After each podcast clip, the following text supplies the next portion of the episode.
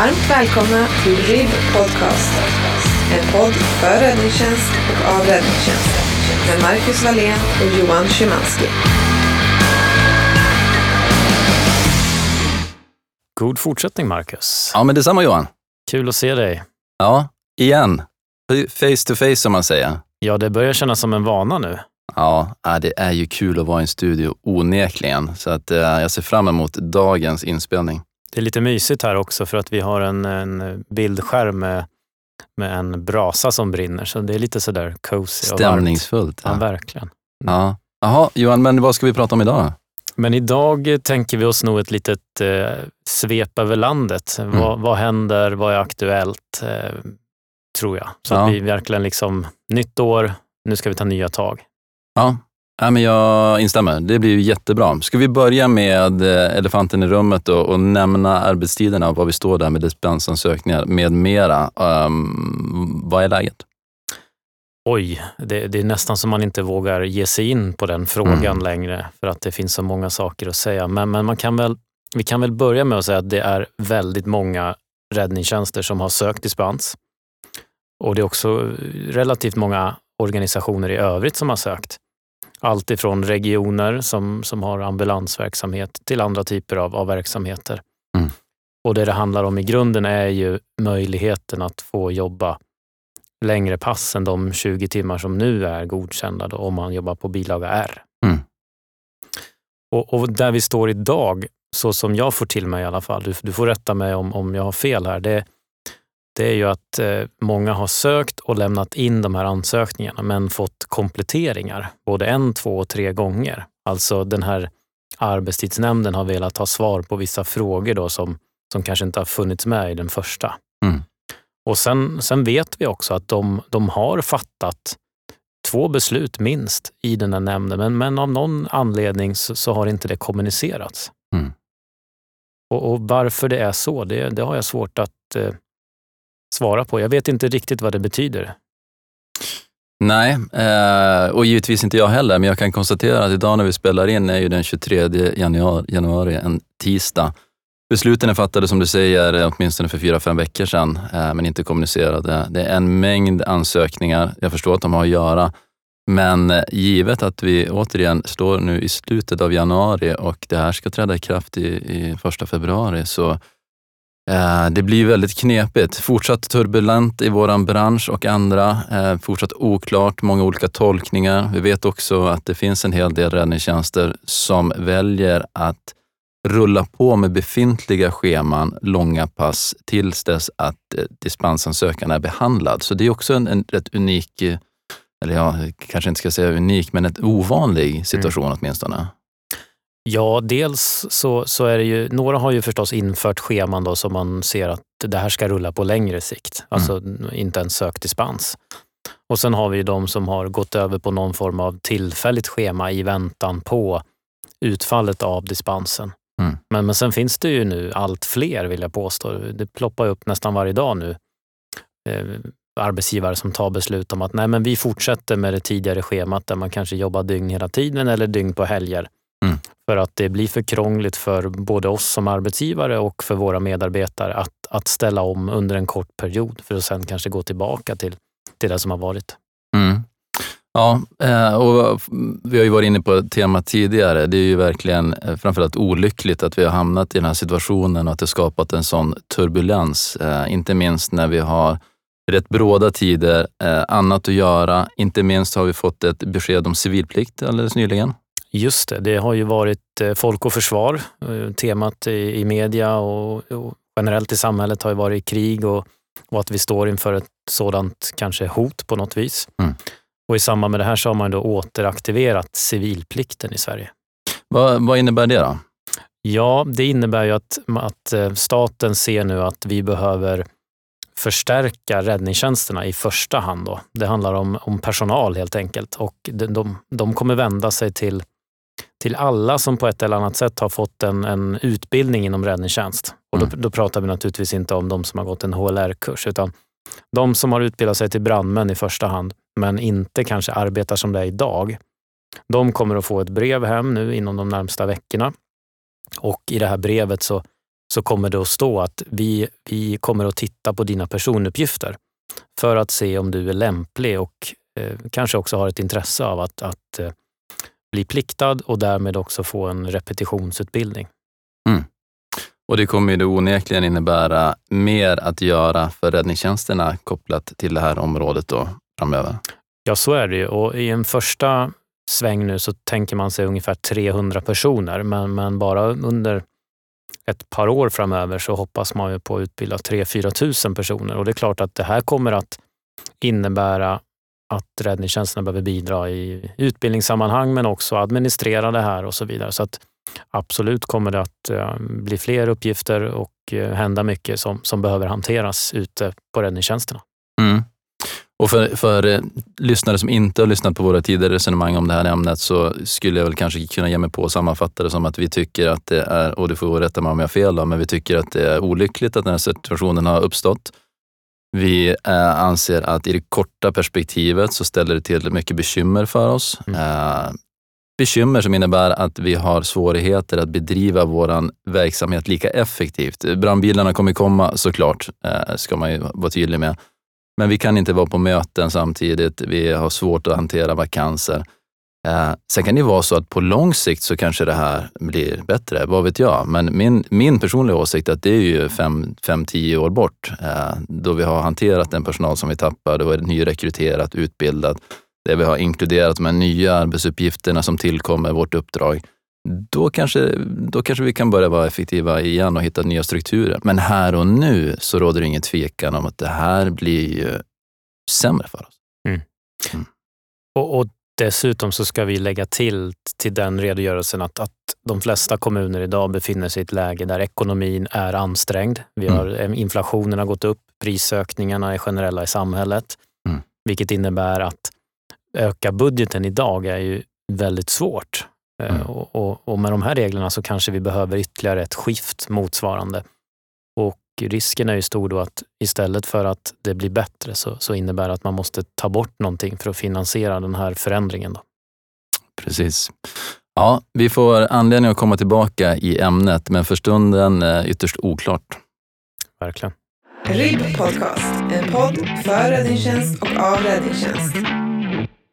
Nästa område då, där det har hänt saker, det är ju fortsatta IT-attacker runt om i landet. Eh, nu senast en sådan som drabbade räddningstjänsten. Eh, och vi ska väl säga att vi sitter ju inte med förstahandsinformation, du och jag, utan vi har ju läst oss till det som har rapporterats. Men räddningstjänsten i Jämtland blev drabbade. Vad vet vi? Ja, precis. Jag, jag såg presskonferensen med, med räddningschefen Lars Nyman och eh, i stort kan man säga att de eh, fick alla sina administrativa system påverkade så att man kan inte längre utföra det uppdraget eh, så som man är van, utan alla datorer och liknande är påverkade på ett annat sätt. Däremot så var han ju väldigt tydlig med att utalarmeringsutrustningen, alltså den utrustningen som används för att påkalla brandmännens mm, intresse så att säga, den fungerar genom reservsystem. Ja, och där är de ju, de är ju tydliga då med, jag tycker de sköter det väldigt bra kommunikativt. Jag tycker de är transparenta, de är ute och pratar, de förklarar, de håller det på en, en, en, en bra nivå. Så liksom, dubbla tummar upp mm. på det. De pratar också om sitt reservsystem och det är ju eh, hur det funkar pratar vi givetvis inte om, men att det finns, det är ju inga konstigheter. Mm. Men här ser man ju då vikten av det. Att i en, det, det, kan hända vad som helst. Det här är en riktad attack, du kan andra driftstörningar, men här är det jätteviktigt att man har sina sin redundans, sina eh, eh, reservsystem helt enkelt som kan tas i, i drift så att vi, så att vi inte eh, får någon påverkan på vår förmåga. Och, och, redundans är ju någonting som, som vi behöver ha i, i alla typer av områden. Mm. Alltså vi behöver ha redundanta brandbilar till och med, reservbilar och vi, mm. alltså vad som helst kan hända. Eh, jag tänker lite kring nu de här attackerna. De har ju drabbat räddningstjänsten, det vi känner till. Vissa handlare, mm. banksystem och så vidare. Det finns ju en grupp nu som har tagit på sig åtminstone delar av de här attackerna. Mm. Och, och ursprunget visar sig vara då från, från öst, Ryssland. Mm. mm. Ja, precis. Och det här är ju en del um, i den här gråzonsproblematiken som uh, man måste säga eskalerande också med NATO-ansökan och osäkerheten kring det kriget i Ukraina. och så vidare. Um, så nu är det ju så också, ska väl tilläggas, att den här attacken som jag har förstått det har ju riktats eh, eh, inte mot räddningstjänsten direkt då, utan mot en, en leverantör. Um, och där är ju så att det, det är klart att det, det, är ju kostnadseffektivt att samla, liksom, att ha de som specialiserar på vissa områden, men jag tror ju att vi eh, framöver, givet läget, kommer att behöva bryta upp det här och kanske inte lägga alla ägg i, i, i samma korg. Eh, mm. Så att vi, vi får tillsammans eh, titta på hur, hur hanterar vi det på bästa sätt för att inte drabbas för hårt om någon eh, del av kedjan går ner. Och jag tänker också när vi pratar redundans där, det är ju så att vi kanske behöver förbereda oss också på, på att använda penna och papper. Mm. Och vikten då av att ha, ha skrivit ut och ha register över det som är viktigt för oss, så att vi fortfarande kan verka mm, utifrån den lagstiftningen vi har ansvar för. Mm. Ja, men absolut. Ja, det finns mycket att göra där och det knyter ju an till vår eh, civilförsvarsförmåga eh, som del i totalförsvaret som vi också brukar komma in på. Eh, och där var det rätt tydliga budskap från eh, Folk och Försvar här. Eh, C.O. Eh, Bolin, eh, Bolin Kristersson med flera. Ehm, vad, om man ska sammanfatta, vad, vad, vad, vad tycker du deras budskap var? Ja, jag, min uppfattning är nog att de sa att vi, vi kan inte vänta, utan ni måste göra. Ni måste få verkstad av det här. Oavsett om ni får ekonomiska medel eller inte, så, så gör det ni kan. Det är mm. inte försvarbart längre att, säga, att sitta där och säga att Nej, men vi väntar in en utredning eller vi väntar in vad vi får för pengar. Utan nu handlar det om att eh, skramla i lådorna, titta på vad vi har och sen eh, alla idéer är välkomna. Gör någonting för att öka förmågan. Mm, precis, så alla får, får göra lite och tillsammans så blir det mycket i slutändan. Um, vi kommer ju också prata med en person inom kort som är inne på, på det uh, i ett, ett, smalare ämne men relaterat, mm. att uh, det är viktigt att, att agera. Mm. Um, vågar vi säga någonting mer om det? Ja, vågar vi det? Ja, ja, det ser vi fram emot. Och det handlar om allt ifrån motståndskraft till kring mindset. Så att eh, ni som lyssnar nu, ni ska verkligen spetsa öronen när vi släpper nästa avsnitt. Ja, det är bra, bra teaser. Det får väl räcka så. Eh, jag hade en händelse till där på min lista innan eh, vi kanske avrundar om inte du har någonting mer. Men det är ju senaste tidens väder som har ställt till det framförallt i trafiken med, mm. med halka, avåkningar, stopp i trafiken. Uh, E22 är väl den som är mest medial åtminstone, där det blev stopp och man blev sittandes länge. Mm. Nu vet jag att det har varit fler sådana, inte minst bara häromdagen så var det ju i Salatrakterna som det blev stopp. Um, räddningstjänsten får ju frågor, var, varför gör inte ni mer i de här sammanhangen? Um, och återigen, nu, nu inte det, vi sitter inte med förstahandsinformation här, men vi kanske kan ge oss på ett generellt resonemang kring vår uppgift och vad vi har för, för möjlighet här och, och, hur vi ser på, på de här händelserna utifrån tema kanske samverkan. Mm. Um, vill du börja nysta i det så kan jag fylla i. Ja, men absolut. Och jag, jag tänker att vi kanske behöver börja i juridiken mm. och sen behöver vi prata om, om, om olika typer av ansvar.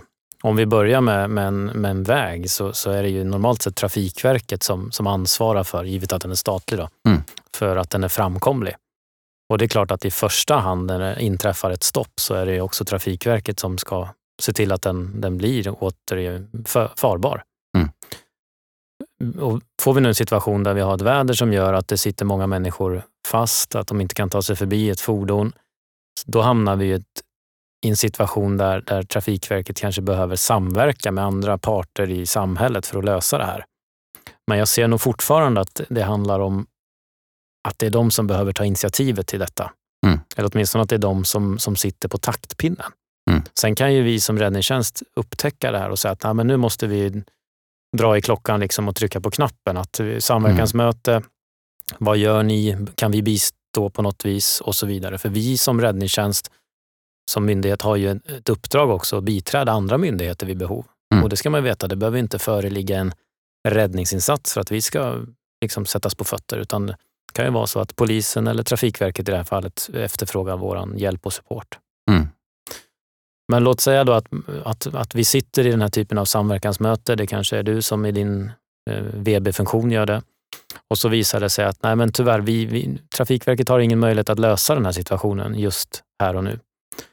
Och, och, du börjar titta på klockan, det är kallt, det är blåsigt, eh, vi vet att det sitter flera där som inte har mat och vatten. Och till slut hamnar vi i ett läge där det faktiskt är risk för att människors liv och hälsa påverkas. Mm. Och då har vi ju en öppning i, i lagen om skydd mot olyckor att, att ingripa och inleda räddningsinsats om det är överhängande fara för olycka. Mm. Och det skulle man ju faktiskt kunna säga, om det har gått så pass långt och man har uttömt alla andra möjligheter enligt den här då omständigheter i övrigt, då skulle man ju faktiskt kunna säga att men då går vi in med stöd av vår lagstiftning och faktiskt evakuerar eller vi kanske öppnar upp eller gör någonting för att förbättra situationen så att sen någon annan, kanske Trafikverket, kan fortsätta med den här uppgiften. Mm. Ja, inte, inte helt oväntat en bra summering, eh, Johan. Eh, Tack. Eh, så att om jag ska, ska säga sak, samma sak med färre ord kanske, så handlar det ju om att vi har en skyldighet att ingripa när en individ eller en organisation inte själva har medel att hantera situationen. Eh, oavsett om det är en olycka som uppkommit av, av, av slump eller om det är en medveten handling eller mm. vad det nu kan tänkas vara. Så att jag är helt inne på samma linje, att det här är det Trafikverket som har ansvaret och eh, Sen kan vi såklart överpröva deras bedömning om vi anser att nej, men här finns det ett behov. Eh, vi, vi är skyldiga att ingripa, vi kommer att ingripa. Men i, i, i grundläget så är det deras bedömning, deras verksamhet och de ska hantera det med sina medel. Eh, ber de om hjälp så ställer vi självklart upp, men, men där så får de ta ansvaret för den hanteringen. Sen vet vi återigen inte hur det, i det här specifika fallet vad som hade hänt så, men eh, jag får ju frågor hur vi skulle ha agerat och det är ute efter de principerna. Sen handlar det mycket om att ha en, en korrekt och delad lägesbild i de här fallen och där, där har jag full respekt för att det är svårt. Eh, man sitter med olika delar och, och olika pusselbitar, olika input, men någonstans så så, så ska ju grundinställningen vara att eh, vi får ju eh, försöka agera på osäker information och hellre agera för mycket och göra för mycket än att göra för lite. Så det, det är ju någonting som vi försöker ta med oss i vårt fortsatta arbete kring det här också. Och Jag tror att du är inne på något viktigt nu. Därför att samverka, det är jätteviktigt. Dela lägesbild, det är jätteviktigt. Men sen när vi väl har delat lägesbild och vi har samverkat så måste någon också våga att agera.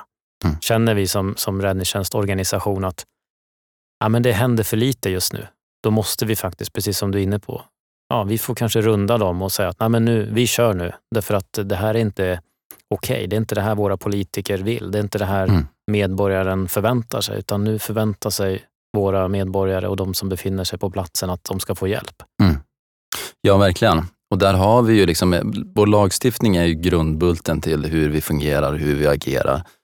Eh, sen så har vi ju då utöver det avtal som vi kan jobba efter och sen så finns det ju då såklart räddningschefens vilja som mm. är i förlängningen kommunen och politikernas vilja, där vi kan agera utanför både, alltså mer långtgående än vad lagstiftningen säger, än vad avtalen säger. Det finns ingenting som hindrar oss åt, åt det hållet om, om, om vi bedömer att det är, är rimligt.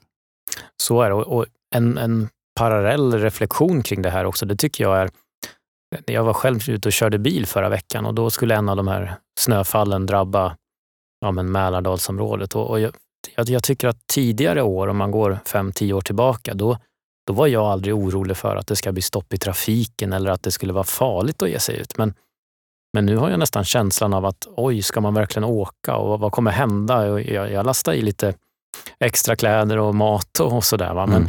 men jag har inte känslan är att så gjorde jag inte förut och då, det var inte samma problem. Vad, vad, vad har hänt?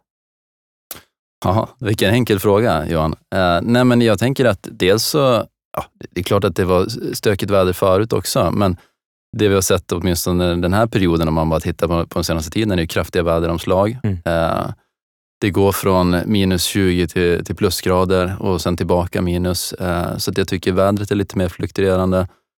Eh, sen i stort så är det såklart att vi har ju gått från en väldigt robust eh, organisation som, om man tittar långt tillbaka, mm. som hade en väldigt stor förmåga, eh, men som ja, i korta drag bedömdes ineffektiv. Mm. Och vi har ju gått mer mot eh, liksom marknadsekonomin och effektivitet och då så bemannar vi ju ute efter ett form av normalläge. Som vi klarar, ja, men, säg 99 fall av 100, men kanske inte det hundrade som vi klarade av förut. Mm. Så det är väl mina egna reflektioner. Jag vet inte om du hade någon annan? Nej, men jag är inne på samma sak och sen, sen tror jag kanske också att trafikintensiteten har ökat så att marginalerna är mindre. Mm. Vilket betyder att ett litet stopp får mycket större konsekvenser idag än vad, vad det kanske fick för tio år sedan. Mm. Sen vet jag inte hur det är då med eh, både fordon och förmåga och utrustning. Det var ju bra att du rustade på lite extra där, men ehm, jag vet inte. Det kanske också att vi är ett mer jäktat samhälle. Mm. Man, man har inte marginalen att vänta en dag om det snöar, utan man måste iväg. Eller upplever att man måste åtminstone. Ja, det är väl mycket där som, som spelar in, men det man kan konstatera det är ju att problemen uppstår. Det finns behov av hjälp, det finns behov av samordning, det finns behov av att agera. Det är kanske är dags för den här fjärde agera-principen, mm. att den ska, ska in, åtminstone i, mentalt. Och den var ju på förslag redan efter skogsbränderna tidigt där. Mm. Jag, jag, tänker också, det här vi ser nu, det är ju inte någonting som kommer som en överraskning, utan vi, vi ser ju och vi vet om i de framtidsspaningar man har gjort att det kommer bli alltså, mer komplexa händelser att hantera och, mm. och framförallt kopplat till klimatförändringar. Och vi ser ju nu, det har varit väldigt kallt. Det du är inne på det, det är väldigt skiftande. Det kan skifta 40 grader från dag till kväll. Mm. Och, och, snö och så vidare. Men, men våran förmåga inom räddningstjänsten, jag vet inte, terrängfordon och sådär, det hade vi ju mycket förr. Det stod en Unimog på varenda brandstation och mm. det kanske var fyrhjulingar och bandvagnar. Men, men nu känns det som att den förmågan är inte riktigt lika stark även hos oss. Nej, det, det stämmer väl. Det är väl samma liksom, eh, skifte som har skett i, i hela samhället. Så att det, ja, jag vet inte, det är svårt att inte göra en koppling till arbetstiderna, men vi skulle behöva mer arbetstid, mindre uppdrag, eh, mm. mer fokus på, på de här bitarna eh, och kunna höja vår förmåga även där. Ja, Spännande. Och jag tänker även det här är en koppling till, till det civila försvaret. För att har vi många och svåra händelser så kanske vi behöver bli flera, som du säger. Och då har vi behov av de här civilpliktiga till slut. Mm. Men jag tänker också, jag vet att du gjorde civilplikten och jag gjorde civilplikten. Du var brandman på en flygplats om jag inte minns fel. Mm. Och jag var då eh, räddningsman, hette det, med inriktning mot indikering. Och då var man ju ute och förstärkte den kommunala räddningstjänsten. Mm. Så jag, jag, tror att när vi pratar civilplikt och så vidare så ska vi inte bara tänka att det är någonting som vi ska använda om, om, om vi hamnar i krig. Utan det här är någonting som vi kan dra nytta av vid skogsbränder, vid den här typen av väderrelaterade händelser, men även andra saker där vi faktiskt behöver få fler händer och fötter. Ja, verkligen. Och för min egen del så var det ju civilplikten och tiden som flygplatsbrandman som gjorde att jag sökte mig tillbaka till, mm. till yrket eh, bra många år senare. Så att det är klart att det finns eh, sådana värden också utöver den här förmågan som vi bygger upp i, i vardagen som såväl vid eh, kris och krig. Innan vi lämnar det, vad hade ni för anspänningstid? det här är ju roligt att prata om. Alltså jag vet inte, du ska inte få igång mig på det, men 30 sekunder skulle vi rulla ut bilarna på, så jag tycker de här 90 sekunderna som inte vi klarar av ibland, det är ju, det är ju för dåligt. Alltså. Men det var ju, eh, ja, det var väl inte riktigt bra på alla sätt och vis, så, men, men snabba var vi ut. Så var det. Jag bara gör en reflektion till, till den person vi ska intervjua nästa gång. Där, att eh, på 90 sekunder så hinner det hända väldigt mycket när vi pratar det ämnet som vi ska ha då. Mm. Snygg cliffhanger. Podcast. Du, det var E22 och eh, vädret. Vad har vi mer som händer i landet? Ja, men vad har vi pratat om nu? Nu får vi hjälpas åt. Vi har pratat om arbetstider, vi har pratat om dispens, vi har pratat om IT-attacken i Jämtland, eh, E22. Eh, vi har inte pratat om Israels ambassad. Just det. Det stod i tidningarna och media här att eh, polisen har avbrutit eller förhindrat en, en terrorattack mot Israels ambassad i Stockholm. Mm. Något åt det hållet åtminstone. Mm. Um, så det får man väl um, såklart ta med sig nu i arbetet framöver, att det här är ett påtagligt hot. Terrorhotnivån ligger kvar på en fyra. Mm. Um, och det, det kan hända precis när som helst. Och, och, Det får i alla fall mig att tänka när jag går på mina vaktpass att okej, okay, det, det, här har man avbrutit nu. Jag kunde ha stått här och om fem minuter så går larmet, lampan tänds mm. och så får vi ett, det är en sprängning eller en skjutning eller vad som helst mm. i en av våra ambassader. Det, det gör i alla fall, jag känner att jag behöver få det mindsetet på ett helt annat sätt, för nu det är nära. Mm. Verkligen. Och det, det får mig att tänka, man knyter, knyter ihop det med E22 och arbetet i, i en eh, ledningscentral och vår omvärldsbevakning och våra bedömningar och, och, hur vi slår ut det då på vilka ärenden så har vi med det där proaktiva arbetet kopplat till eh, väder, riskbild, hotbild där vi kanske, jag kanske informerar dig om att så här ser det ut eh, hos dig eller påminner om det. Uh, och jag kanske ringer andra aktörer och, och, stämmer av deras syn på läget och jobbar proaktivt. Pratar vi om terror så kanske jag pratar med polisen på morgonen, kollar av, stämmer av läget, vad är det för temperatur, vilka områden, vad ser de?